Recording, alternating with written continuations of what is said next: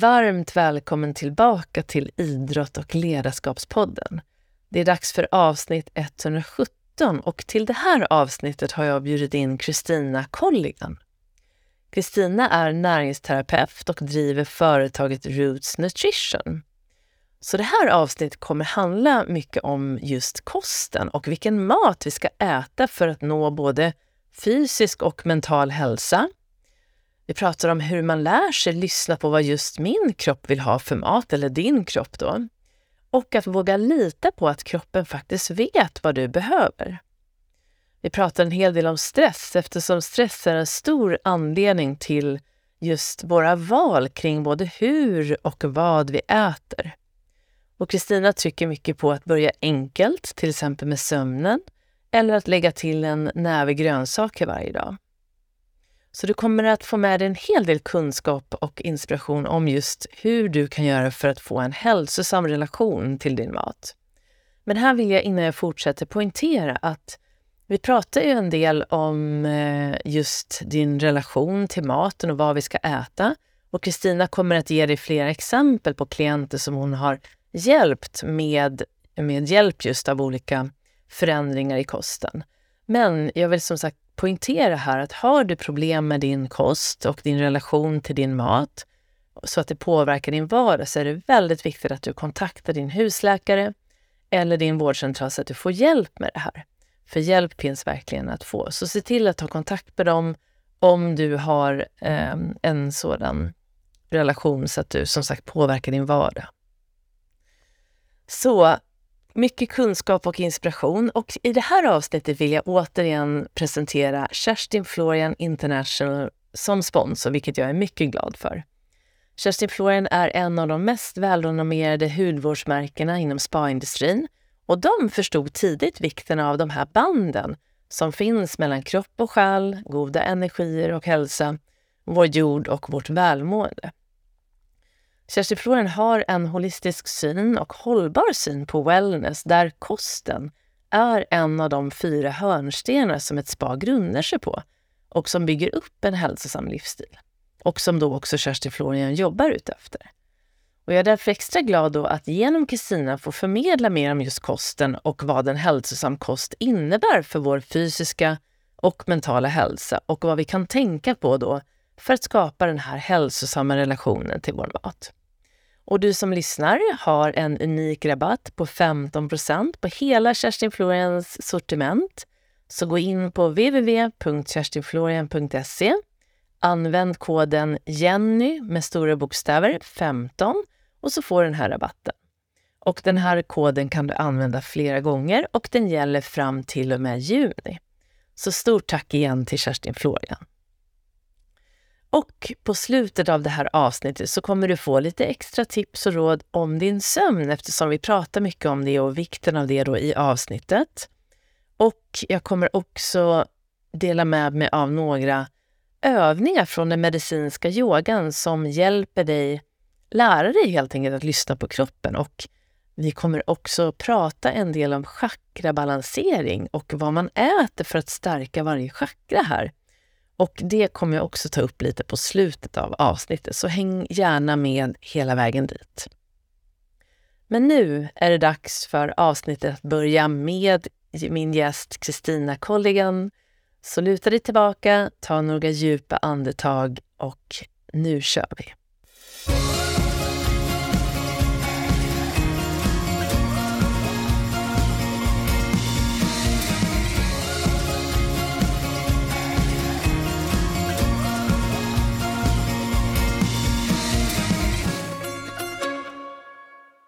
Varmt välkommen tillbaka till Idrott och ledarskapspodden.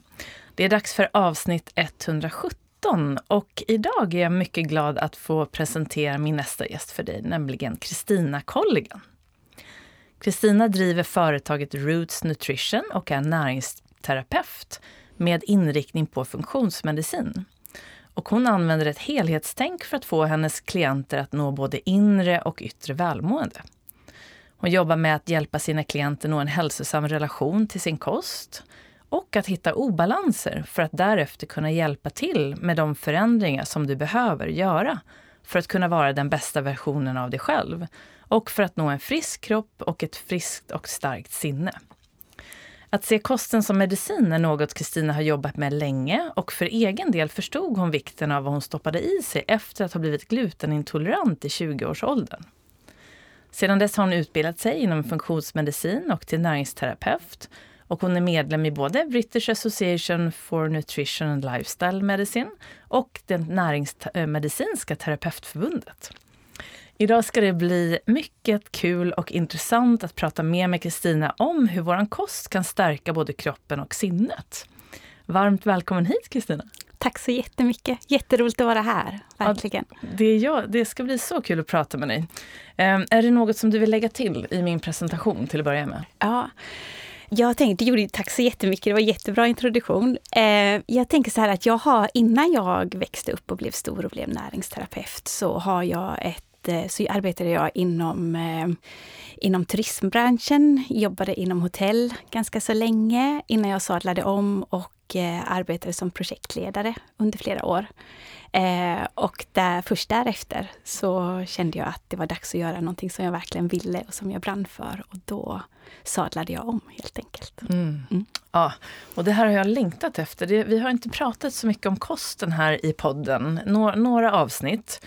Men eh, det var länge sedan, så det ska bli väldigt kul att få klargöra och tydliggöra mycket kring just kosten som jag tror att många funderar över och bryr sig om och vill ha svar på. Så där. Speciellt hur det påverkar vår både mentala och fysiska hälsa. Då. Men jag tänker för den som då inte vet vem du är, vem är Kristina Colligan? Du nämnde lite så här, men om du får fördjupa lite grann där. Ja. Um Ja, vem är jag? Jag älskar att vara i skogen. Eh, gillar att röra på mig, promenader, springa, träna. Gillar att vara kreativ i köket. Eh, tycker om att vara med mina vänner och med min familj. Eh, jag jag brinner verkligen för att fortsätta utbilda mig och lära mig. Och jag känner genom mitt yrke att jag lär mig nya saker varenda dag. Jag lär mig genom de kunder som jag ser, genom ny forskning som ständigt kommer ut varenda dag. Och det tycker jag är fantastiskt. Att inte behöva stå still utan verkligen konstant eh, kunna förändra mig. Det, mm. det gillar jag. Eh, jag hittar mycket energi och sådär för att återhämta mig känner jag att det är viktigt. Det gör jag i skogen och vid havet framförallt. Älskar västkusten med klipporna och saltvattnet. Eh, då känner jag att då mår jag verkligen bra. Vart är du mm. ifrån? Vart är du född? Eh, jag är från västkusten. jag tänkte det, ja, precis. Ja, jag växte upp på Orust. Mm. Mm. Fint. Mm. Så jag har blåbärsskogar och eh, saltvatten i mina ådror. Ja, eller hur. Och nu bor du i Stockholm? nu bor jag i Stockholm, mm. ja. Eh, jag flyttade utomlands när jag var 18 och bodde sen utomlands i 25 år. Så nu är jag tillbaka i Sverige sedan nästan fyra år. Mm, mm. Just det. Mm. Och ehm, så du driver ju Roots Nutrition i ditt egna företag. Men jag tänker, hur kan en dag i ditt liv se ut? En, en vanlig vardag? Så hur kan det se ut? Då brukar jag, jag går upp på morgonen, eh, jag går jättegärna en promenad eller går ut några minuter. Det behöver inte vara långt, men 5-10 minuter för att få lite dagsljus. Eh, sen är jag oftast ganska så kreativ och får mycket gjort tidigt på morgonen. Så då sätter jag gärna igång. Eh, kanske inte alltid ser kunder det första jag gör på morgonen, men kanske läser på eller förbereder eller går någon utbildning. Eh, så det gör jag mycket. Eh, sen en vanlig dag är, är fylld med, eh, med kunder och förbereda och skriva journaler och läsa på helt enkelt inför mm. nästa besök. Eh, sen handlar det också om att, jag tänker som det här med att vidareutbilda mig är viktigt. Så just det här med att läsa forskning, läsa journaler, eh, nya papper som är tillgängliga och så vidare, information som kommer ut, gå på konferenser och utbildningar och så vidare. Mm. är en stor del utav det som jag gör. Hur har du, jag tänker efter pandemin, vi jobbade ju tillsammans på och hade delade kontor för ett tag sedan. Men sen ja. så var det pandemi och sådär. Men hur, vart jobbar du nu? Jobbar du mer hemma? Är du ute hos kund också eller hur ser det ut? Så eh, framförallt så är det mycket online. Så just eh, efter pandemin, eller under pandemin, så flyttades ju väldigt mycket online. Så Zoom fungerar väldigt bra. Vilket också har gjort att jag har möjligheten att se eh, fler kunder som bor längre ifrån. dels så har jag blivit mycket mer bekväm med att, att se patienter på det sättet. Och även, jag tror att vi alla har blivit mer bekväma med just eh, med online. Mm. Så att det fungerar väldigt, väldigt bra. Eh, sen sitter jag även på integrativa kliniken på Odenplan i Läkarhuset en dag i veckan. Eh, och dit kommer de flesta kunderna faktiskt. Så vi ser dem mm. på riktigt. Mm. Då. Men, men ja, som sagt, mycket online. Absolut. Så hur började då det här intresset för kosten och liksom hur kost är kopplad till kroppen och sinnet? när dök det upp?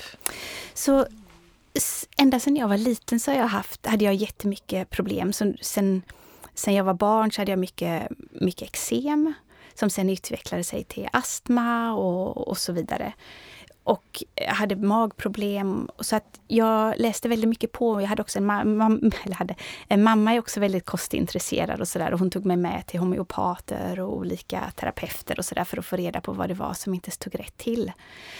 Um, men sen så blev jag bara sämre och sämre och jag provade olika saker och så kom jag över en artikel just om, om celiaki och glutenintolerans och då kände jag att men det här stämmer ju faktiskt på mig. Och då var jag runt 20-årsåldern så det är ganska länge sedan nu tyvärr. Eh, och då prövade jag några dagar hemma själv. Och då blev det ju jättebra på bara några dagar mådde jag ju, hade jag inga, liksom, mycket mindre problem med magen och sådär. Och så ringde jag till doktorn och så sa jag att ah, men jag tror att jag har det här. Och då sa han, ja ah, men då får du komma hit så får vi göra lite mer prover och sådär. Eh, så gjorde vi det. Och så då var det ganska såklart att det var ju eh, celiaki som jag hade. Mm. Och successivt under sex månader så blev jag av med min astma, mitt eksem och mina mage-tarmproblem började få ordning på min mage helt enkelt. Mm. Så det var ju fantastiskt och då förstod jag ju verkligen hur allting började, hur det hängde ihop då. Det var, jag tänker också när jag växte upp eh, på 70-talet, 70-80-talet, att det var ju så normalt att man åt bra. Vi fiskade och man plockade bär och såna här saker. Det var ju liksom naturligt. Men så tänkte jag liksom kanske inte så mycket på just var maten kom ifrån eller varför och sådär. Men då började jag få en otrolig respekt för vad det faktiskt kunde betyda. Mm. Och hur jag mådde och då eh, allt eftersom att jag ändrade kosten och la om det och, började, och kroppen började återhämta sig också att att eh, jag kunde tänka bättre och jag kunde koncentrera mig mycket bättre på jobbet. Och jag fick mer gjort och så vidare. Så det var ju verkligen en helt, helt fantastiskt var det. Och det var för att du tog bort gluten? Ja, det var det precis, du gjorde? det var det jag gjorde. Ja. ja. Otroligt! Så vad, vad kan man göra om man märker att man har sådana problem och så vill man då i tidig ålder för, försöka förstå, är det lättare idag? Kan man ta ett prov för att, så att säga, se, är jag glutenintolerant eller inte? Ja, absolut. Så det, man ska ju egentligen inte för, börja experimentera för mycket själv. Man ska inte börja ta bort för mycket saker själv, för då kan det ju lätt bli att man hamnar i den svängen med att man tar bort väldigt mycket. Jag ser många patienter som har en väldigt, väldigt strikt kost som för att de har haft problem med magen eller utslag och hudutslag och sånt här och så kommer de så har de en väldigt strikt kost. Och då är det ett väldigt stort arbete sen att försöka att lägga till saker så att man kan få en bredare kost igen. Så att jag tycker inte man ska börja experimentera för mycket själv utan söka hjälp och, och testa och se vad det är som det kan vara. Mm. Och det är ju det du gör, till exempel att det här att man, om man kommer till dig, vi ska komma in på det lite mer, men att du gör ju också tester, skickar det till labb för att få de tester som behöver göras, eller hur? Absolut, ja, ja det gör jag. Sen är det också mycket lättare med, tillsammans med någon som en utbildad terapeut, att man eh, går igenom olika steg och ser, eh, jag kan med min erfarenhet och tester och kunder som jag sett förut också se att ja, så här skulle det kunna vara. Då. Och då kan man pröva olika saker och så kan man tillsammans då hålla i under en period. Mm, det. För det kan lätt bli att gör man någonting själv så kanske man prövar lite halvdant ett par veckor och så det funkar inte men man kanske behöver hålla i lite längre i vissa fall. Så att, eh, jag, jag tror att det är bra och klokt att söka hjälp. Ja, faktiskt. just det. Mm. Så vi pratade ju om, eller jag nämnde ju här i början att du är specialiserad inom funktionsmedicin som mm. har just liksom helheten i fokus skulle man kunna säga. Men um, jag tänker, du är ju också en av lärarna i självläkningsterapeutprogrammet som jag också är lärare i, fast inom medicinsk yoga. Och eh, där är ju funktionsmedicin den inriktning man har också när det gäller kosten. Det här tror jag man hör mer och mer om, mm. också som, ja, som en vanlig person. så att mm. säga. Men skulle du kunna förklara, vad är egentligen funktionsmedicin? Ja, så där tittar man ju på helheten.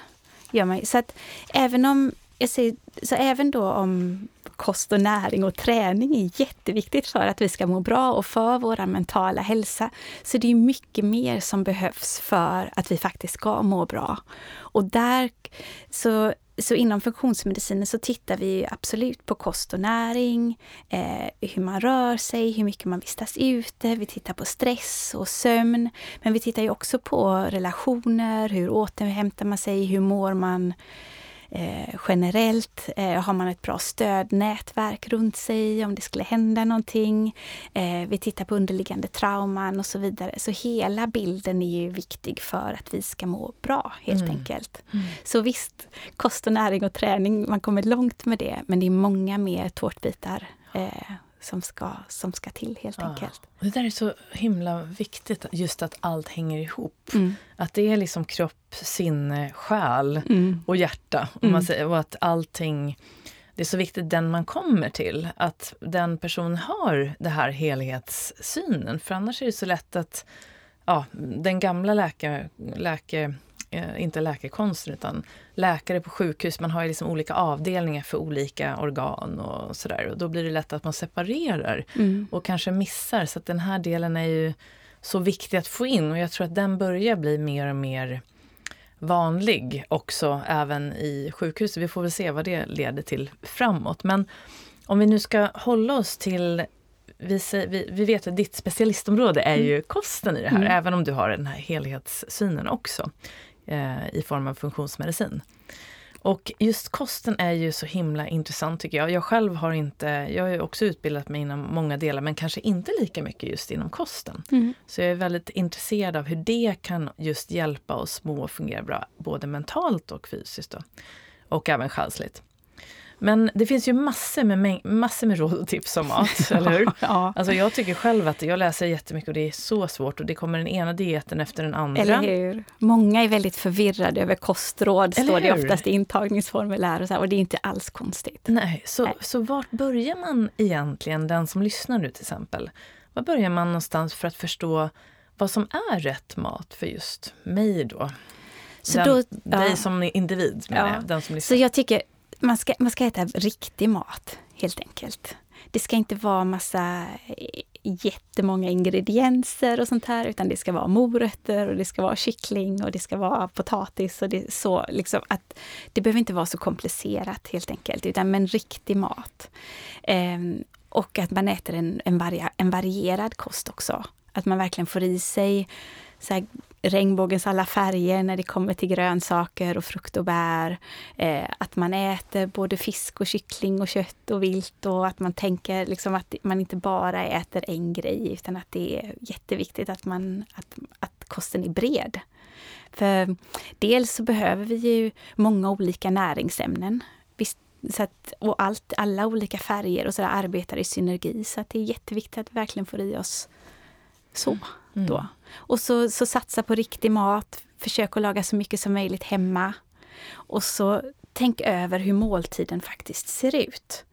För många söker sig till mig med mage-tarm. Mage-tarmproblem är en vanlig grej som jag ser eh, eh, många klienter med. Och om vi får bukt på mycket bara genom att man tar sig tid vid måltiden. Så det handlar det om att faktiskt sitta ner vid bordet och tugga maten. Så bara en sån sak eh, kan göra en jättestor skillnad. Eh, och matsmältningen börjar ju i munnen. Och vi behöver tugga och det ska bli som en gröt i munnen innan vi sväljer så att vi verkligen kan ta upp alla de där näringsämnena från maten som vi äter. Så mm. eh, verkligen att se varje tillfälle när vi äter som att, eh, att det är ett tillfälle att få i sig bra näring eh, för att stötta kroppen, för vi vill att den ska eh, prestera och göra massa saker under dagen för oss. Eh, och det tar vi liksom bara för givet att vi ska bara kunna sådär mm. och kunna förvänta oss det. Men då, vi måste ge jättemycket tillbaka då. i mm. form av bra kost, att vi får i oss ordentligt med näring och återhämtning och så också. Mm. Hur många gånger ska man tugga ungefär om du ska säga ett... Det beror ju på vad det är, men det ska bli typ som en gröt i munnen. Ja. Då brukar man säga 20-30 gånger eller någonting eller sånt där. Ja, ja. Det, det hörde jag, jag var hos um, jag har haft eh, Peter Ljungsberg här som är ayurveda, dokt, kallas doktor ayurveda. Ja. Och inom ayurvedan, den här läkekonsten från Indien som är den äldsta, då är det ju mycket om just mindful eating och att man ska gilla det man ser på tallriken. Att det är liksom, man äter ju med ögonen. Precis. Och det påverkar hur man tar upp näringen. Jätteviktigt. Ja. Och så, mat, mm. ja, så matsmältningen börjar ju egentligen långt innan vi faktiskt ska äta så att man börjar att tänka på maten och att sen när man förbereder att man tar in med alla sinnen och man känner hur känns när jag hackar och skär och färger och sådär och sen lägger upp fint. Och att det är också en form av självkärlek tänker jag. Ja, just det. Och apropå det, det här med mat som medicin och eh, självläkning är ju någonting mm. som vi försöker, som man också pratar mer och mer om och att kroppen har ju en självläkningsförmåga och det är ju den vi vill uppmuntra då så mycket vi kan. Så vilken roll spelar kosten för vår självläkning? så, ja, såklart väldigt stor då. Vi, det är viktigt att vi får i oss alla näringsämnen så att kroppen faktiskt kan återhämta sig och att den faktiskt kan utföra alla de processer som behövs i form av eliminering och detox och energi, skapa energi och, och bygga upp det som vi faktiskt bryter ner också. Eh, och sen, så att det är jätteviktigt, eh, tänker jag. Och sen ser man ju också just det här med eh, kosten påverkar även stress och vår förmåga att hantera stress. Och nu det har även kommit ut lite forskningspapper på just det här med omega-3 och grönsaker till exempel, att det hjälper till att reglera kortisolet. Mm. Eh, och sen vet vi också det här att är det för mycket processad mat och för mycket socker och eh, då ökar ju också inflammationen i kroppen, vilket också då kan leda till en högre stress. Så, att, eh, så kosten spelar ju stor, verkligen en stor roll i våran, våran återhämtningsförmåga.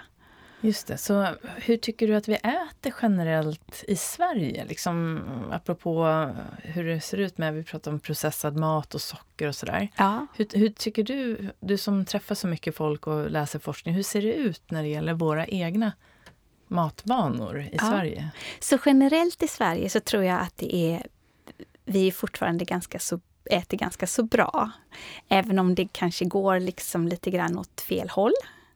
Eh, och att det också är väldigt tolererat det här med att äta kanske mycket processad mat och mycket socker och sådana här saker.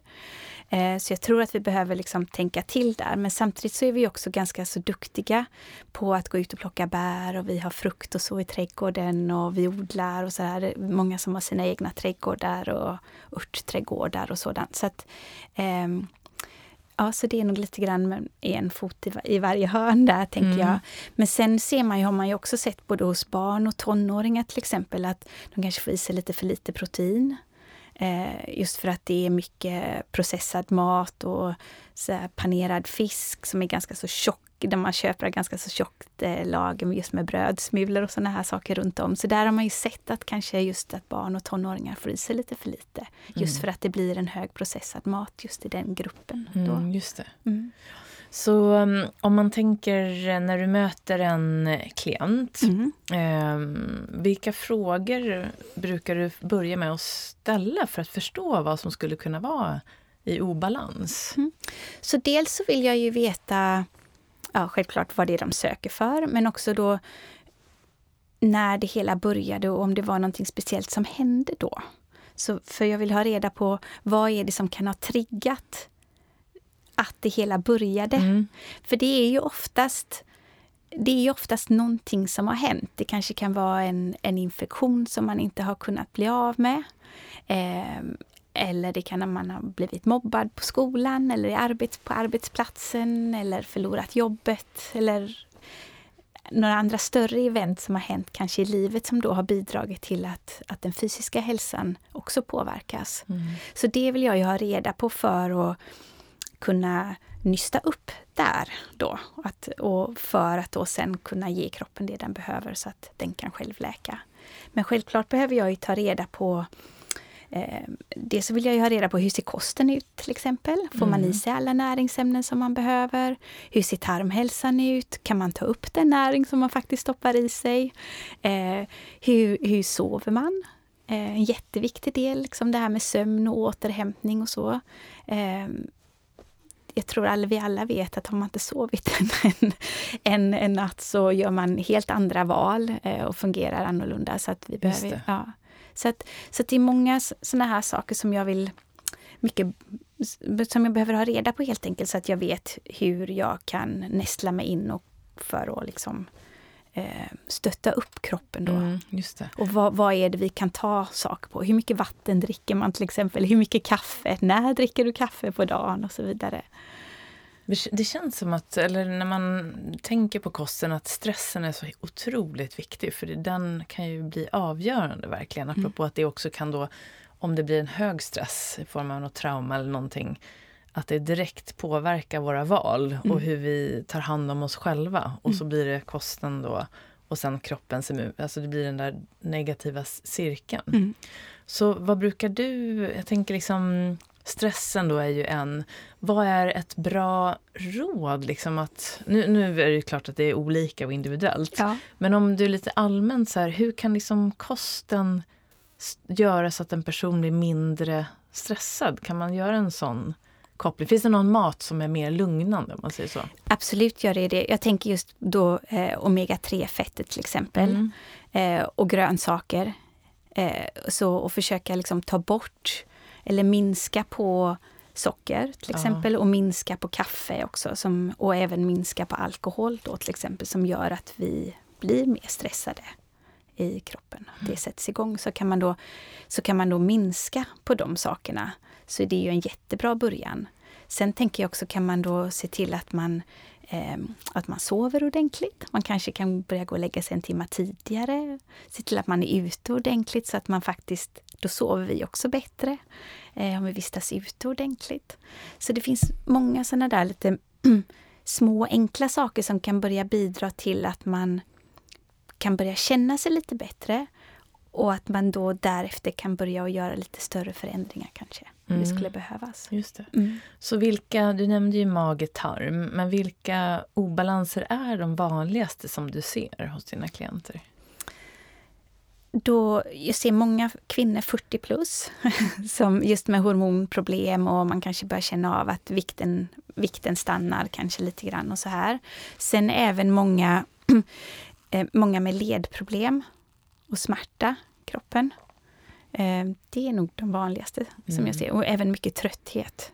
Trötthet och utmattning också. Och märker du, hur, hur lång tid eh, behövs? Du träffar ju dem så märker så får du reda på de här obalanserna. Mm. Och så ska ju de göra någon form av förändring då, eller hur? För Ja. att det här ska då börja, ja, så att man ska börja bli, må bättre helt Mm. enkelt.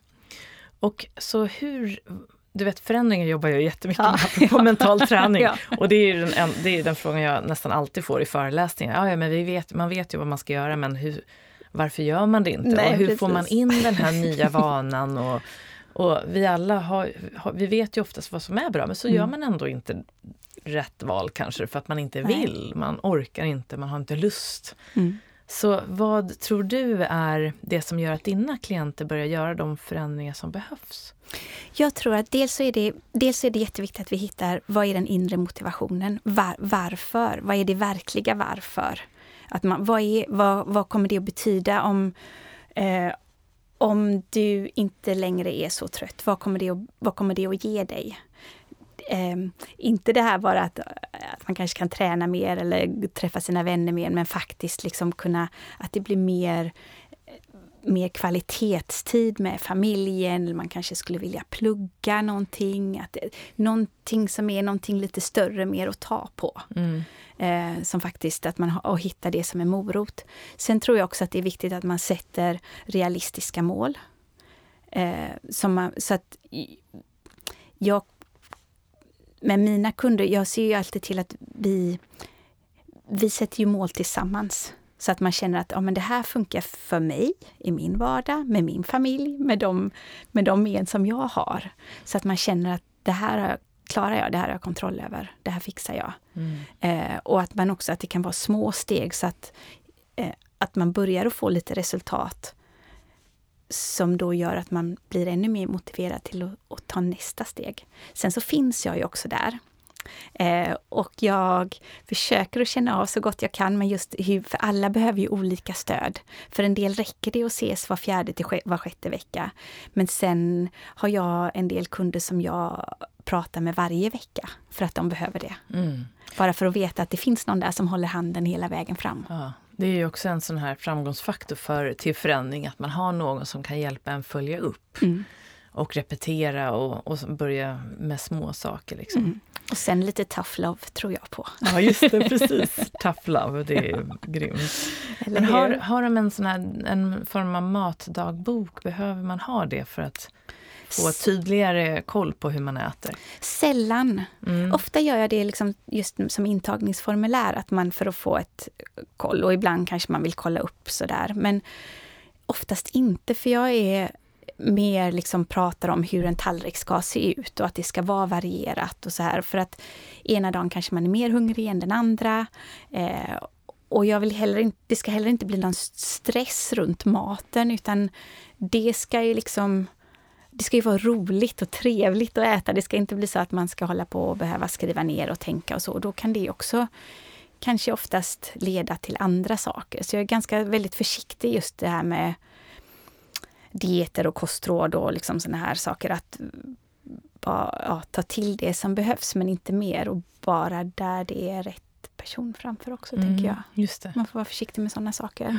Ja, det förstår jag verkligen. Det är så otroligt många som har, man har liksom, blir liksom fel relation till kosten Mm. och så tänker man på det för mycket så det skapar ju sån jättemycket stress. Så då Mm. blir det liksom en negativ effekt även om man äter rätt, så att Ja. säga. Eller hur? Ja, och jag tänker också ofta så, för jag vill också att, att man ska kunna komma till ett, till ett ställe där man känner själv, vad behöver kroppen?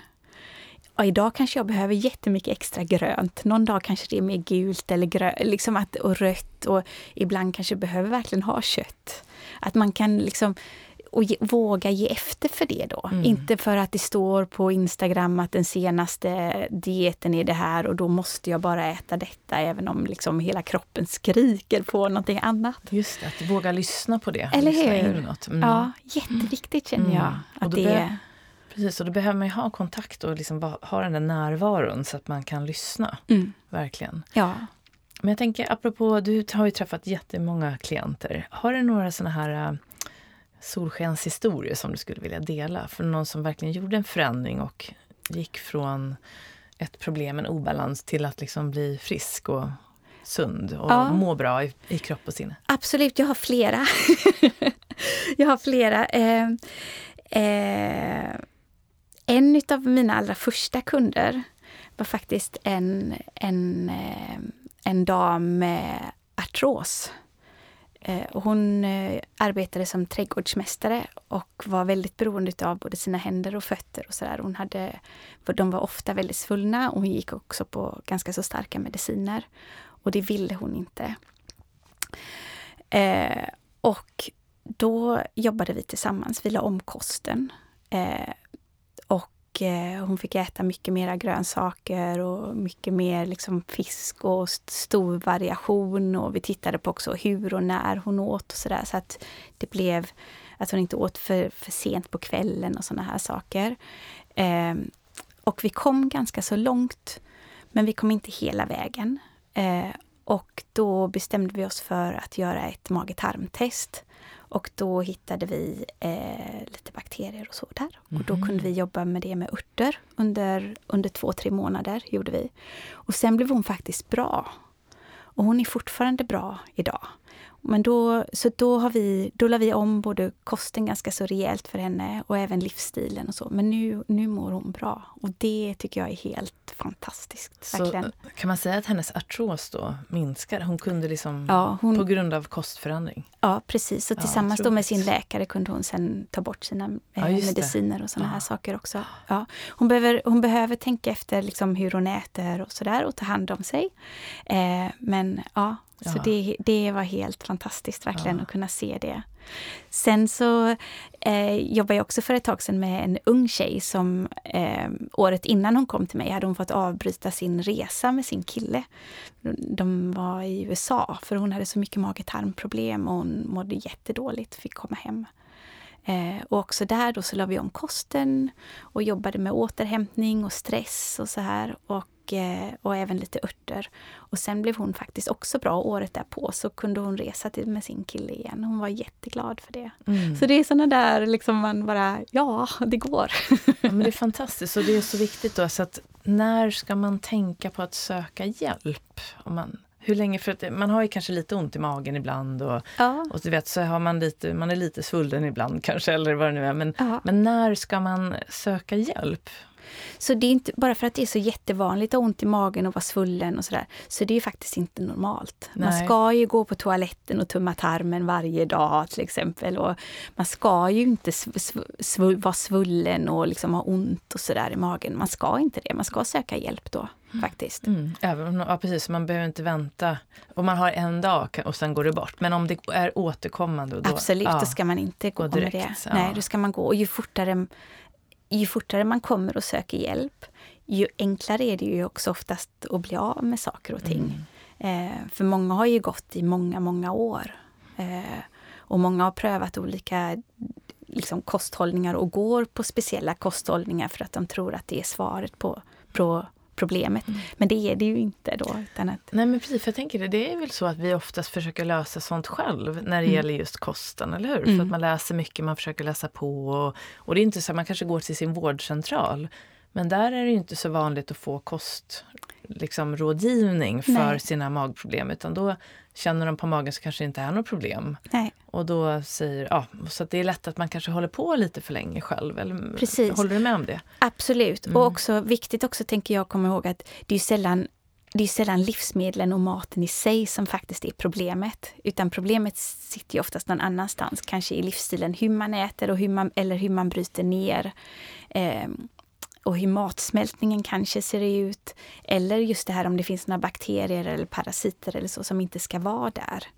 Eh, och får man då löst det så kan man ju då för det mesta äta nästan allting sen igen. Ja, just det. Ja, så det är viktigt att komma ihåg, för vi behöver ju verkligen vi behöver ju mycket olika typer av mat för att må bra, så att vi får i oss mycket näring helt enkelt. Ja, så, så hur, jag jobbar ju med mental träning och Mm. det här heter ju Idrott och ledarskapspodden. Men jag tänker just när det gäller det mentala och våran prestation, hur hänger tarmen ihop med hjärnan? Alltså den där kanalen mellan tarmen och hjärnan. Ja, Skulle du kunna förklara det? Alltså, Ja. Med tanke på hur det vi äter kan påverka då vår, vår hjärna och vår mentala hälsa. absolut, det gör det ju i all, i allra högsta grad. Så, så det vet vi ju att, och nu är det också så att vi ofta säger att magen är faktiskt vår första hjärna och inte vår andra hjärna. Utan, och det här med att man har fjärilar i magen och så här, att det är faktiskt det är faktiskt på riktigt att det är någonting man ska lyssna på. Så det hänger ju i allra högsta grad ihop. Så där finns ju det finns ju direkta liksom, kanaler som pratar med varandra. Så att eh, just hur vi mår i magen är ju jätteviktigt. Så att här i magen så, så tillverkas ju också en hel del signal, signalsubstanser och hormoner och även vitaminer och sånt som är viktiga för vårt mentala mående. Mm. Så att tarmhälsan är jätteviktig så, på Mm. det sättet. Så om man tänker då apropå stress och prestation då, så jag möter ju många som har man kanske har presterat jättebra, allt går jättebra och sen helt plötsligt så går det inte så bra Mm. längre. Man kanske, det kan vara någon som tävlar men det kan också vara jobbet där stressen på något sätt tar över. Så hur ska man, om du tänker, du nämnde det här med den här unga tjejen till exempel, att du jobbade lite med stress och återhämtning. Så Mm.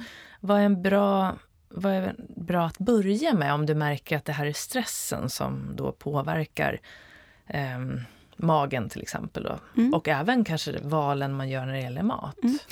Då skulle jag börja kanske enkelt med att se över sömnen. Eh, både sömn och utomhusvistelse.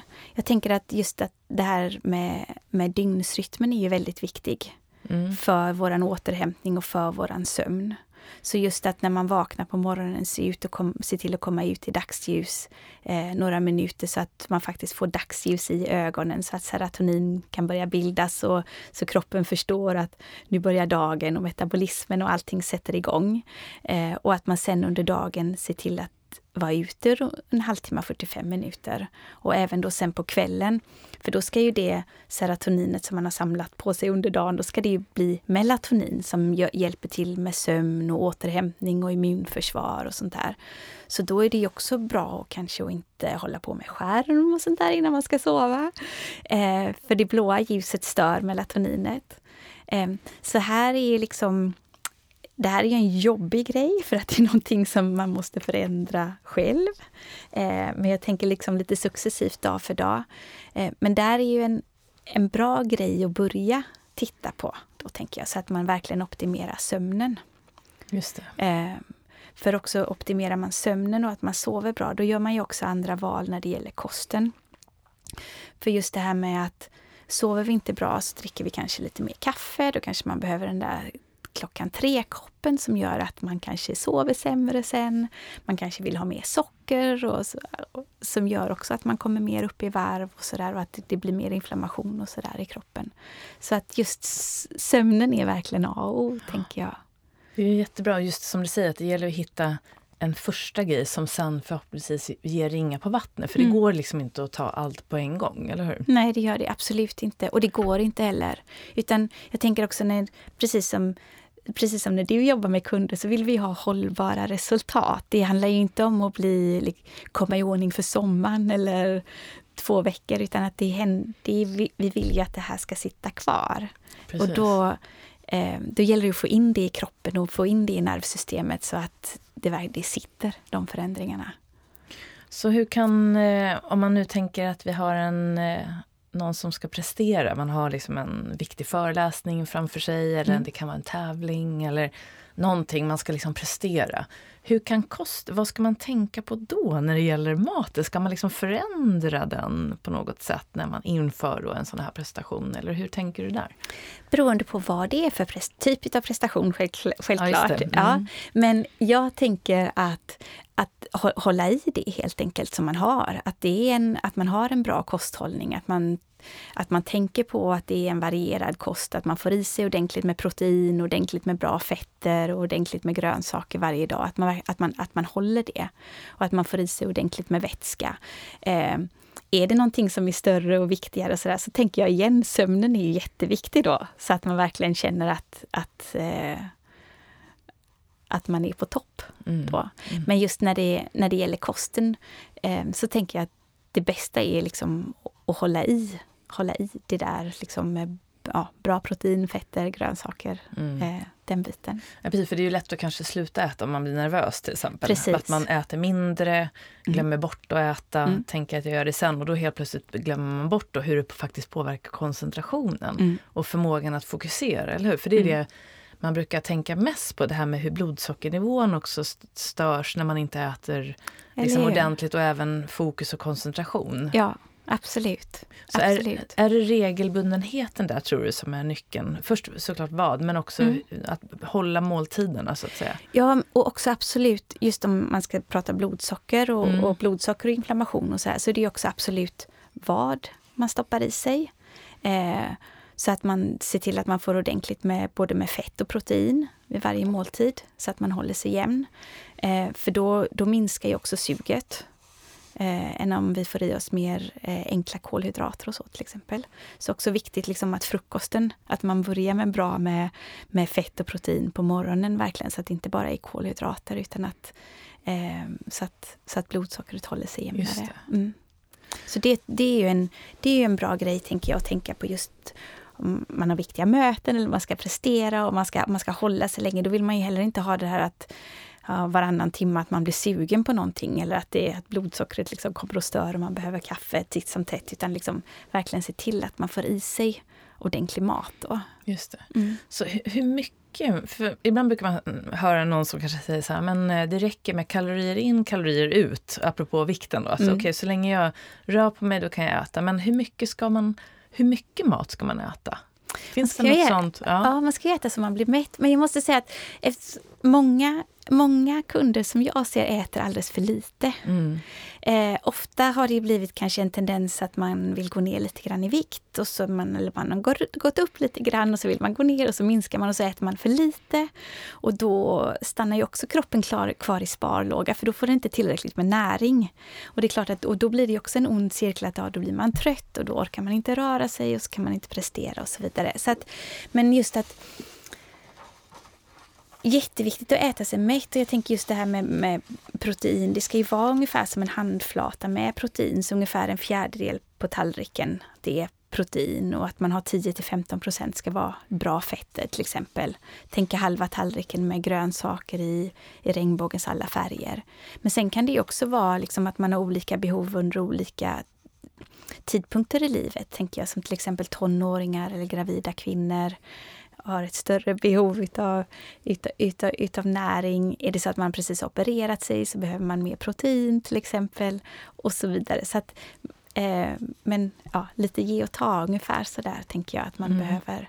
Men sen också som menstruerande kvinnor, vi behöver också mer kalorier, så mer in de sista två veckorna i cykeln. Och då är det också viktigt att man verkligen att man ger kroppen det då. Att man inte bara att nej, men nu ska jag äta så här. Utan mm. att man, min kropp behöver det här nu. Jag tänkte, för att återgå till det här du nämnde, att det är så viktigt att man börjar liksom lyssna på vad kroppen själv mm. säger att den är sugen på. Mm.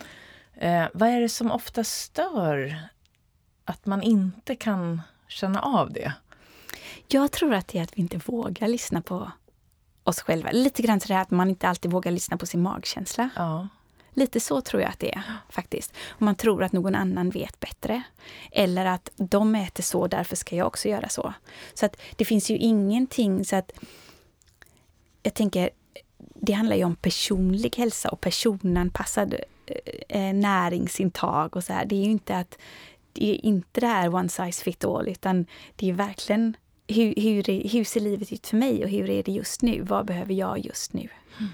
Så det är jätteviktigt. Just det. Ja. Och om man då har ett sockerberoende, mm. och då kan det ju vara att man känner så här, jag vill ha socker, och då är det ju inte sunt så att säga. Nej, då kanske man inte ska lyssna. Då ska man inte lyssna på det, eller hur? Men det märker man ju. Hur, hur, kan man, jag menar, jag tänker, för det är väl kanske därför man inte vågar lyssna riktigt, för man är orolig att man ska äta fel. Ja, men jag tänker just, har man ett, har man ett, os, ett har man problem med blodsockret och att det är ostabilt, och så här, då får man ju börja, tänker jag, och, och se över, gärna kanske tillsammans med någon, men börja se över måltiderna. Så att hur ser frukosten ut? Får jag i mig ordentligt med protein och fett så att jag kan börja dagen så? Eh, och hur ser lunchen ut? Och hur ser middagen ut? Mm. Eh, vad drick, hur mycket dricker jag? När, liksom, så att man kan se över det så att blodsockret sakta men säkert kan börja stabilisera sig sen igen. Och då minskar ju, då minskar ju suget också successivt och att man behöver mindre utav det där. Men också i början tänker jag, om man behöver mellanmål och sådär, se då till att det är ett bra mellanmål. Att det är mm. ett något ägg eller en burk sardiner eller en avokado eller någonting sådär. Så det är någonting riktigt då. Så att det inte bara är ett par riskakor som tar en till nästa måltid. Nej, precis. och, och, just det här med att våga börja lyssna. Så jag jobbar ju med medicinsk yoga och där ja. har vi ju det här chakrasystemet och just energisystemet det. som man jobbar utefter för att eh, rätta till obalanser. Mm. Och det här vet jag att vi pratade om det mycket när, när vi jobbade bredvid varandra. Mm. Och jag var så otroligt fascinerad av just hur kosten också kan hjälpa till att um, så att säga, läka obalanser i chakrasystemet. Och mm. chakrasystemet är ju då kommer ju från den indiska eh, läkekonsten kan man väl säga från början. Och eh, det har inte forskats på så mycket, men jag vet att du har en del forskning och du har ju en läkare som också har jobbat mycket med hur kosten kan stötta chakrasystemet, eller hur? Just det. Så ja. jag tänkte vi skulle, för det här har ju verkligen med obalanser att göra. Mm. Och apropå att börja lyssna på sin kropp och se vad man verkligen själv behöver, så tror jag att det här kan finnas en hel del nycklar i det. Mm. Ur yogans perspektiv. Ja, så precis. Så om vi nu pratar kosten och det här chakrasystemet. Hur skulle du börja Förklara den kopplingen. Ja, så ja, egentligen är jag inte rätt person för att prata om det här tror jag inte. Jag, har, jag arbetar mycket tillsammans med en kollega, med Louise. Mm, eh, och vi har ett program tillsammans eh, som är baserat på just den här läkaren som du eh, nämnde, så Diana Minnick, på hennes system ehm, just Whole Detox och hur hon då sätter ihop eh, de olika systemen med olika färger och då med relatera det tillbaka till kosten. Och det är liksom, och det det fungerar. Det är helt fantastiskt att se, eh, tänker jag. Och just det här med, med roten som handlar om att grunda sig till exempel. Mm. Och då är det ju rött. Just det, så det är rotchakrat. Det är rotchakrat. Och det brukar man ju säga, det är liksom grundtrygghet och det är liksom det första chakrat och som oftast liksom man börjar oftast där för att balansera upp kan man säga. Om, man, om, om, jag pratar nu yogisk, ja. från yogalärarens perspektiv. Ja. Och det är ju rött då. Mm. Precis, ja. Så, så, så där har mm. vi ju protein då till exempel. Just det. Ja. Och, då, där, och de röda grönsakerna och frukterna och bären. Just, det, Just för att grunda oss, för att landa. Ja. Och det, känn, det kan man ju liksom, det kan jag också själv relatera till. att Känner jag mig liksom lite för mycket upp här i det blå kanske, att man behöver behöver en rejäl köttbit för att kunna liksom, för att landa och komma ner igen på jorden lite grann. Och när man tittar också på olika personligheter kanske och hur de äter och sådär också. Man kan ganska snabbt dra dem eh, relatera till det. Just det. Ja, Så, då, så när vi då går vid så Ja, så, så det är liksom grunden för alltihopa. Och sen kommer vi upp till det orangea, så sexual chakrat. Mm. Och där handlar det ju då mycket om vätska, omega-3 fettsyror, eh, det orangea. Eh, och de ämnena som finns i de frukterna och grönsakerna just i det här orangea finns ju också då relaterat till just fertilitet och så här. Så, mm, det, det, så det, det, finns, det är faktiskt lite bakom det hela, ja. tänker jag också. Ja. Otroligt fascinerande. Ja. Och sen gult då, det är ju magchakrat. Det är, det, är det här med självförtroende ja. som jag brukar tänka mycket på. Kraftcentrat. Precis. Så vilken mat Så är det här har vi där? också då till exempel som, eh, som ananas där du har också väldigt mycket enzymer som är bra för matsmältningen till exempel. Men här sitter ju också som kolhydrater till exempel som är mer då kan vara mer eldigt. Just det. Mm. Eh, och så sen flyttar vi upp och då har vi hjärtat. Mm. Och där har vi det gröna. Och här har vi då så det är mycket bladgrönsaker och sånt. Som är också då relaterat faktiskt till, en, till hjärt och kärlhälsa. Till ett hälsosamt hjärta ja, helt enkelt. Precis. Ja. Och kan, behöver det, spelar det någon roll om det är kallt eller varmt när man äter ur det här nej, perspektivet? Nej, det gör det inte. Nej, det gör det, det inte. att det ska vara grönt. Och, ja, mm. Men oftast, jag tänker, går man tillbaka just till kost och näringsdel så, här, så det är ju bra med en variation då. Just att är det rått så finns det mycket enzymer och sånt där i som hjälper till att smälta maten. Sen blir det en del saker som är tillagade, där försvinner ju också en del näringsämnen och sådär. Så mm. en variation är ju, mm. är ju bra. Men sen vet jag just med ayurvedan och det här att man också tittar på det här med varmt och kallt och mm. ja, den biten. Mm. Och sen har vi halsen, halschakrat. Ja, ja. Så här handlar det om sanningen. Mm. Och prata, liksom säga sin sanning och sådär. Och, och så här har vi också sköldkörteln. Mm. Så där tittar vi då på eh, på alger till exempel. Mm, och det är blått, blått. blåa färgen. Mm. Ja, och där har vi då mycket jod och sånt där som är viktigt just, just för sköldkörteln och så här. Ja. Eh, och sen går vi upp till eh, huvudet. Och här har vi då hela hjärnhälsan. Mm. Och där har vi ju då, så det är ju blått då. Och mm. så blåbär, björnbär, liksom mm. alla Eller violett, starka, precis. Ja, ja, precis. Starka ja. färgerna. Ja, exakt. Ja. Så, och det vet vi också i forskning att, att de sakerna och de ämnena som finns i, där i är jättebra för hjärnhälsa. Där mm. finns ju till exempel eh, studier på blåbär och minne och inlärningsförmåga och sådana ja, saker. Så just, det, och synen då också. Precis. Med, blå, ja, ja. precis. Ja. Och man brukar säga just i pannchakrat här så har man ju det tredje ögat, det är ju blicken inåt. Mm. Uh, och apropå blåbär tänker jag där mm. med uh, ja, det är otroligt ja. fascinerande. Ja, väldigt fint mm. tycker jag. Det är väldigt fint gjort det här med just att balans, få ihop det hela. Sen har vi... Eh, Hjärtan. Ja, precis. Och där är liksom mer... Eh, fasta och meditation och den biten. Så då tittar vi också mycket på, ja, på fasta teer, buljonger och även som är ingefära och blomkål, kokos. De färgerna. Just det. Ja.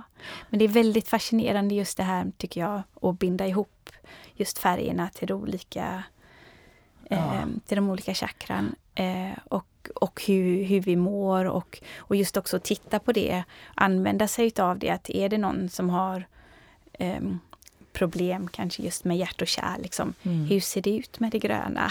Ja. hur, får, hur mycket grönt får man i sig och så vidare. Hur kan man stötta upp och sådär. Så att det, är, det är ett väldigt fint system just att och, ehm, och tänka efter. Och också lä, och tänka just då, som vi pratade om det här med att och lära sig att lyssna inåt och lära sig att lyssna på kroppen och så. Då är det här ett jättefint system och verkligen gå igenom sin egen resa och, och, eh, och hitta sig själv och, och hitta liksom, vad är hälsa för mig? Mm. Vad betyder hälsa för mig? Ehm, ja. Det är så himla otroligt intressant apropå helheten och vad vi verkligen kan göra själva för vår egen självläkning när man Mm. börjar titta på det ur... Man, man, man märker ju att alla, alla olika former och lär, lärdomar eller läror som finns, att det liksom hänger ihop och hur man kan pussla ihop det på det här sättet Mm. så att det blir till slut en helhet. Mm. Och det tycker jag just att Diana Minik har gjort så himla fint Ja. faktiskt Vad också. heter den boken som du har där? Ja, så den här boken heter Detoxa ditt liv. Eh, och, Detoxa ditt liv. ja, tyvärr finns den inte längre på svenska. Nähä. Men på engelska heter den Whole Detox. Hold Detox. Whole Ah. Detox. Ja, Jag, får, jag lägger in det i länken, Ja, så det om ni, blir- de som lyssnar blir nyfikna så kan Jag man kan läsa det. Ja. Sen har ju ni den här kursen, ja en onlinekurs som är just för att koppla ihop det här. Då. Precis. Och vad heter den kursen? Ja, så den heter Food and Personal Growth. Food and Personal growth. Så Ja, då vad handlar det just det här om att lära sig om maten Mm. och hitta sin egen hälsa. Och just det här att vad betyder hälsa för mig och hur får jag vardagen att fungera? Mm. För det ska inte vara någonting det ska inte vara någonting extra och det ska inte vara ett extra projekt och det ska inte ta en massa extra tid. Utan att det ska liksom det ska, det ska bara ingå i vardagen att man tar hand om sig helt enkelt. Ja. Så det kan man jättefint under de 21 dagarna verkligen utforska. Ja, jättebra. Verkligen bra att ni har gjort den här kursen. Den ska, den ska jag själv... Mm. Jag tycker att jag har nosat på det här och jag jobbar ju väldigt mycket med chakrasystemet nu för tiden. Men kosten som sagt ska Mm. jag stärka upp ännu mer. Men eh, hur ser det ut med din egen kost? Hur äter du idag? Är du fortfarande glutenintolerant? Ja. Det blir, är man det och så är Ja, man det för det alltid? är man. Så att säga. Ja, det är man. Så det får jag hålla. Mm. Eh, jag, äter, jag försöker att äta så mycket för olika färger varje dag som jag bara kan. Se till att jag får i mig en bra frukost. Då mår jag bra sen hela dagen. Får jag bra energi och sådär. Står mig eh, till kvällen på det. Just med att hålla, hålla kvar energin. Eh, håller en tallriksmodell som är liksom mycket grönsaker, ordentligt med protein och bra fetter och sådär varje dag. Eh, försöker vara nyfiken på nya saker. Så när jag är ute och går på hemma hos, hemma hos någon eller som äter annorlunda eller på restaurang och så här och pröva nya saker och vara nyfiken på det. För det tycker jag är Mm. viktigt. Pröva nya grönsaker och sånt där som man hittar. Mm. Mm. Och ehm, om du, ehm, jag tänker på liksom, eh, när du, om du skulle säga nu något kostråd till någon, säg så här, om jag sa så här, nu får du välja en sak. Vad skulle det vara för råd du skulle kunna ge till, som gäller alla? Att inte vara rädd för bra fetter. Mm. Jättebra. Mm. Det var konkret. Mm. Behöver man eh, tänka, jag tänker på olivolja, andra oljor. Är det någon olja man ska undvika, apropå oljor? Vegetabiliska Ja, oljor? vegeta- ja, så just vegetabiliska oljor ska man ju egentligen undvika. Men när- olivolja är ju, Olivolja olivolja är är ju okej, bra. Ja, olivolja är bra. Så just med bra fetter, då tänker jag eh, olivolja, oliver, avokado, eh, ghee, smör, Mm. ägg, fet fisk. Just det, rent fött. Liksom, Ja, från kött från ja. gräsbetande djur och så vidare. Mm, just det, bra. Ehm, nötter och frön, kokosprodukter. Ja, jättebra. Bra.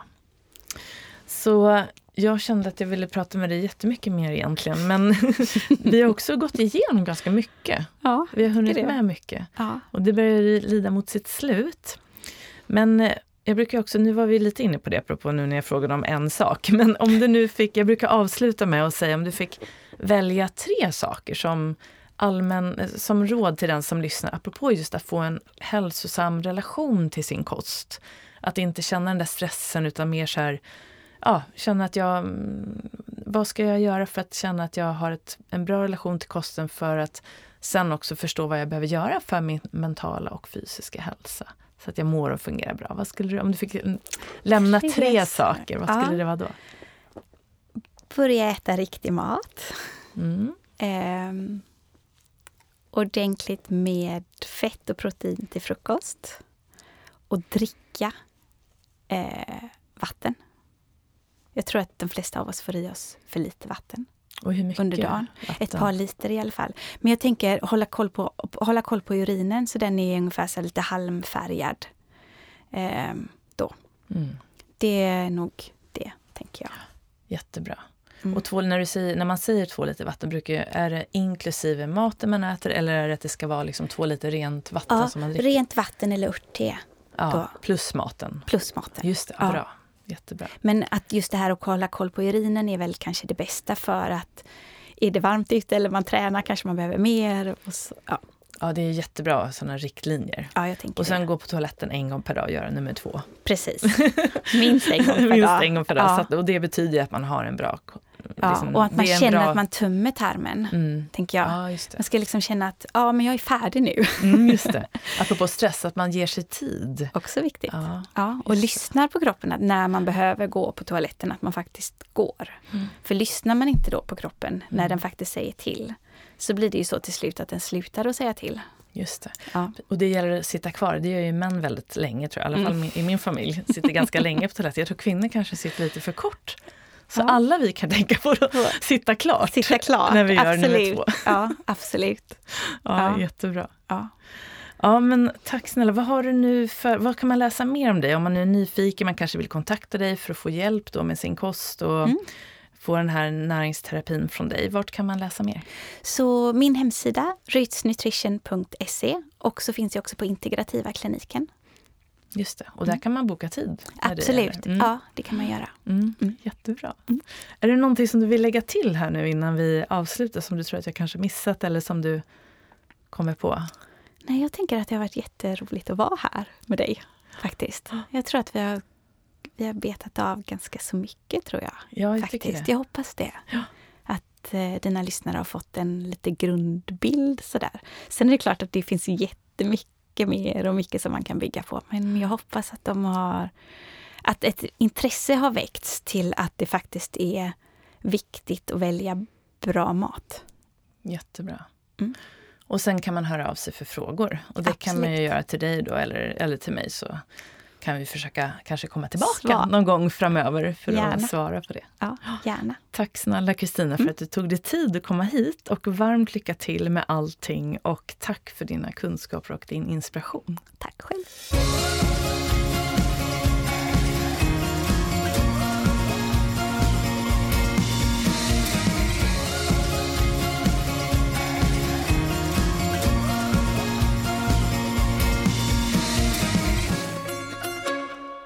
Då har du fått lyssna till mitt samtal med Kristina Colligan. Och jag hoppas att du har fått med dig en hel del både kunskap och inspiration som du kan ta med dig in i din egen vardag.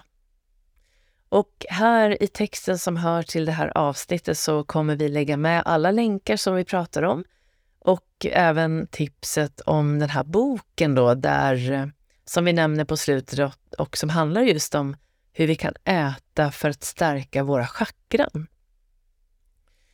Så, men som jag nämnde då också i början av det här avsnittet så tänkte jag här dela med mig av några tips och råd för din sömn. Vi pratade ju en del om det i avsnittet och Kristina nämner just vikten av att sova bra för att kroppen ska få den återhämtning den behöver för att ta hand om stress, men för att också hjälpa oss fatta bra beslut när det gäller vår kost och eh, hur och vad vi äter.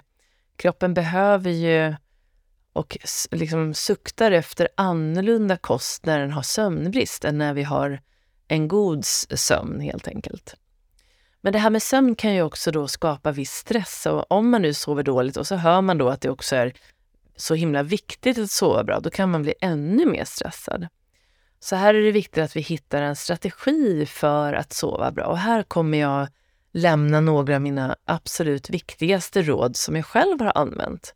Jag har haft sömnutmaningar sedan 2001 och eh, av och till genom åren. Och jag, sedan de senaste åren så har jag fått en väldigt fin balans i sömnen och hanterar det väldigt bra. Och verktygen jag har använt har kommit från både läkare, specialister inom vården, men också från medicinska yogan och den mentala träningen. Där all forskning visar att när vi regelbundet jobbar med mental träning eller medicinsk yoga så sover vi helt enkelt bättre. Så de råd jag tänkte dela med mig av, det är dels att jag kan rekommendera dig att lyssna på min podd då, som du redan lyssnar på här. Men avsnitt 83 där jag, har, där jag pratar med sömnspecialisten och läkaren Jan Ulfberg om just sömn. Så gå gärna in och lyssna på det. Och sen har jag också hos yogobi.com en hel sömnserie där jag bland annat har med en guidad kroppsskanning och lite olika tips och råd både från den mentala träningen men också från eh, andra delar, även den medicinska yogan då faktiskt, ehm, och mindfulness-träningen. Så gå in på yogabi.com och där kan du då söka på mitt namn så kommer du till den här sömnserien. Och eh, där kan du då använda min kod Jenny Hagman så får du också lite rabatt. Men eh, om jag tänker på, apropå andra tips och råd då, apropå sömnen, så brukar jag nämna egentligen två saker. Och det ena är vad du gör på dagen och det andra är vad du gör på kvällen. Så det vi gör på dagen påverkar ju vår förmåga att slappna av på kvällen, eller hur? Så att din förmåga att helt enkelt lägga in små pauser under dagen så att din grundspänning håller sig låg under dagen, det kommer att hjälpa dig sova bra på, på kvällen. Och sen är det ju då så här att när vi då går igenom dagen så händer det saker, tankar dyker upp och saker händer, problem dyker upp och så vidare.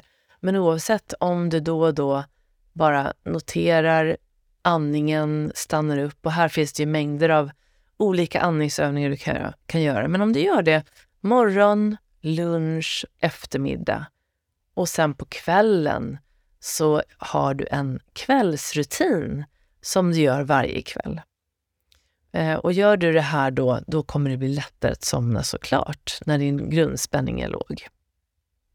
Och när det gäller just rutiner, så rutin på kvällen då, det är ju viktigt då, precis som du säkert har läst överallt, att vi försöker lägga undan våra mobiler så att vi inte får det här blåa ljuset sent, för då tror kroppen att det är dags att du ska vara vaken.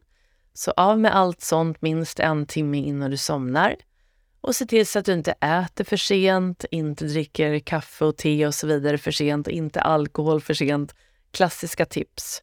Men utöver det så har ju jag en ljudfil som jag ofta jobbar med som just får ner din grundspänning till en låg nivå och den är en muskulär avspänningsfil och det är den första ljudfilen man jobbar med i den mentala träningen.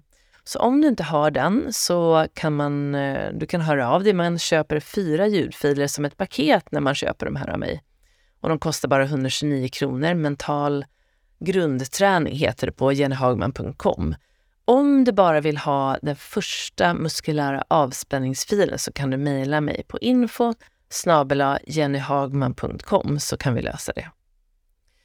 Och den, den är då 15 minuter och hjälper dig rensa bort spänningar.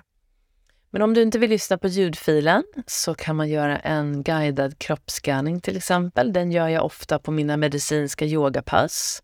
De kan du vara med på. Eh, när det gäller eh, om du vill vara med live så kör jag klockan 19.10 varje onsdag i Facebookgruppen eh, Stolt, stark och säker, alltså samma namn som min bok. Så där brukar jag avsluta med en kroppsskanning så att du får veta vad det är.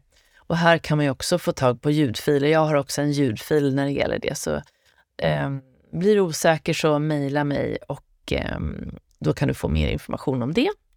Kroppsscanning alltså, jätte, väldigt, väldigt effektiv, kommer från mindfulness-träningen. Och sen är det då ett mantra som jag ofta använder om du nu ligger där i sängen och inte kan somna. Så kan du tänka så här, nu ska jag vara bekväm i det här obekväma. Helt enkelt acceptera att det känns så där obekvämt. Kroppen är spänd, tankarna rusar och det är helt okej. Okay. Man kan använda den här modellen från mindfulness-träningen. Stanna upp, observera, acceptera, släpp taget, kom tillbaka till ett ankar och där kan ankaret vara då jag är bekväm det obekväma. S-O-A-S-A heter modellen.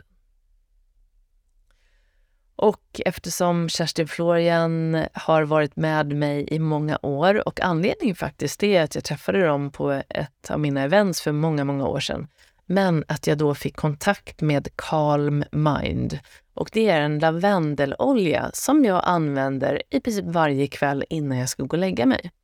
Lavendel är ju lugnande och när man då tar några droppar av den här lavendeloljan så brukar jag lägga den en liten droppe eller en liten... Man, man tar ju två droppar och så gnuggar man fingrarna mot varandra. Så gnuggar man lite på mellan ögonbrynen, lite på tinningarna och under näsan. Det kan också vara en sån där grej som kan vara som ett hjälpmedel för dig att sova bra. Och här berättade ju Helena Karlsson som är VD och även ägare för Kerstin Florian International och som jag hade med i podden i förra avsnittet, alltså 116. Hon berättade att en sån här flaska Carl Mind innehåller 500 droppar tror jag, så den är ju väldigt dryg. Och kom ihåg nu att du har 15% rabatt på Kerstin Florians produkter. Så där finns ju då den här Carl Mind och alla andra fina produkter. Och då nämner du ju bara min kod, Jenny med stora bokstäver 15, så får du den här rabatten. Och eh, så där var några tips. Och Eh, jag tänkte också här att jag skulle rekommendera dig faktiskt att göra det pass som just nu ligger i Facebookgruppen Stolt, stark och säker. Det är nämligen en chakrabalansering. Så jag går igenom alla våra chakran med en övning, en eller två övningar per chakra som jag och Kristina pratar om då på slutet av det här avsnittet. Så att lära sig lyssna på kroppen, det gör man väldigt, väldigt på ett väldigt fint sätt när man jobbar regelbundet med medicinsk yoga som handlar om att lyssna inåt och att det handlar om att göra övningar som släpper på spänningar där de gärna samlar sig. Och det här passet då balanserar hela ditt energisystem. Och samtidigt så kommer du då få de här medicinska effekterna av att det släpper på spänningar i muskler som gärna kan bli, eh, bli spända stimulerar vagusnerven, aktiverar ditt parasympatiska nervsystem, ditt lugnande system, som då också är bra för stress. Det är helt enkelt stresshantering på en väldigt hög nivå. Så det var de övningarna jag egentligen tänkte ge dig när det gäller just den medicinska yogan. Det är väldigt svårt att förklara dem så här eh, när vi bara eh, har ljud. Men så gå gärna in där och det är ju då på Facebookgruppen Stolt, stark och säker. Du söker medlemskap, jag godkänner dig och sen betalar man 50 kronor per gång, alltså per vecka då. Så att ett pass ligger en vecka. Du betalar 50 kronor och kan då göra passet så många gånger du vill. Och sen om du vill ha tillgång till det här passet då för alltid, för det här passet kommer ju ligga då den här veckan och idag är det ju då den, eh, nu ska vi se, idag är den, det kommer vara den 13 april när det här avsnittet kommer ut, 2023. Så att det här passet kommer då ligga till, tills på onsdag. Så att eh, om du vill ha tillgång till det här passet för alltid, då har jag 18 yogaklasser som en kurs på mitt träningscenter online som heter trainforbalance.newsendler.com. Och där kan du då köpa de här 18 klasserna där chakra, chakrabalanseringen finns med. Och då har du tillgång till de här passen på obestämd framtid, eh, för alltid alltså. Så det var en hel del här på slutet, men jag hoppas att du har varit med mig och att eh, det här kan hjälpa dig med både sömnen och eh, att landa i kroppen för att kunna då lyssna på den lite bättre så att du kan få en ännu mer hälsosam relation till din mat och vad just du behöver. Och tack igen till Kerstin Florian som har sponsrat det här avsnittet. Glöm inte att gå in på kerstinflorian.se. Använd koden för att få din rabatt. Och vill du veta mer om vad som händer i min verksamhet så går du in på jennyhagman.com eller så följer du mig på Instagram, snabel Jenny Hagman. Och så hoppas jag att vi, ser, att vi ses här snart igen eller kanske på någon av mina kurser eller events framöver. Men tills dess, ta hand om dig och så ses vi snart igen. Hej då!